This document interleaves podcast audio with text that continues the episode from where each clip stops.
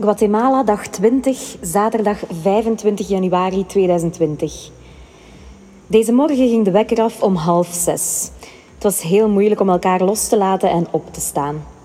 Maar ontbijt om zes uur en hike door een ontwakende jungle om half zeven. Onmiddellijk een pittig, maar tegelijkertijd ook rustgevend begin van de dag. Dan rechtop staan in de koffer van een truck die ons van de jungle naar Lankin bracht. Daar zouden we elk een verschillende shuttle nemen. Daniel naar Flores en ik terug naar Antigua. Ondanks ik dacht dat het allemaal wel oké ging zijn, kon ik mijn tranen toch niet bedwingen tijdens ons afscheid. De busrit duurde acht uur. De chauffeur was niet zo vriendelijk als de chauffeur van de vorige shuttle. Ik heb een halve slaappil genomen en heb de rest van de rit gewoon naar buiten gekeken. Geen zin om te lezen of muziek te luisteren. Dat ik het echt lastig heb met afscheid speelt zeker ook mee. Dit is een goede oefening voor mij. Heel groot lichtpunt was het weerzien met Joyce. Zij was een half uur voor mij in de hostel aangekomen na een vlucht vanuit Mexico. We zitten echt op dezelfde golflengte, staan op dezelfde manier in het leven, kunnen goede diepe gesprekken voeren en zij had ook net afscheid moeten nemen. Heerlijk dus om met haar te babbelen, met een tostada streetfood in de hand als aperitiefje. De Amerikaanse Ray, Kate en Kirill waren mij ook komen opwachten in onze hostel, met de koele tuin. Kirill had net een salopet op maat laten maken met alle patronen die maar konden. Wel cool. Joyce en ik zijn nog iets hip gaan eten. Erna wouden we powernappen en uitgaan, maar de powernap is wat uitgelopen. Moest Ray ons niet super overtuigend wakker gebeld hebben, we waren blijven liggen. Maar hey, technofeest wacht op ons. Na drinks en een iets minder loesje shuttle dan vorige week kwamen we aan in La Piscina. Anticlimax. Het was reggaeton. Leuk, maar niet zalig. Blijkbaar is het één keer per maand geen techno, maar reggaeton. We hebben wel wat gedanst en ons geamuseerd, maar ook vrij vroeg naar huis.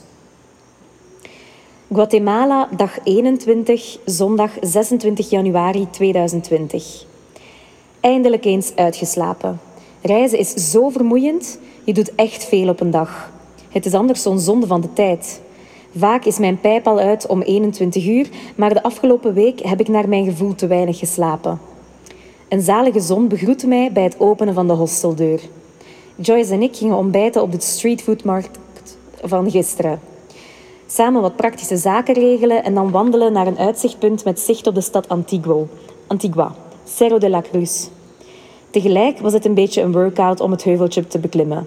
Oké, ik overdrijf. Zeer kleine workout. Daarna zijn we pollo a la leña gaan eten in Rincon Típico, een zeer lokaal adresje dat Daniel me nog had aangeraden.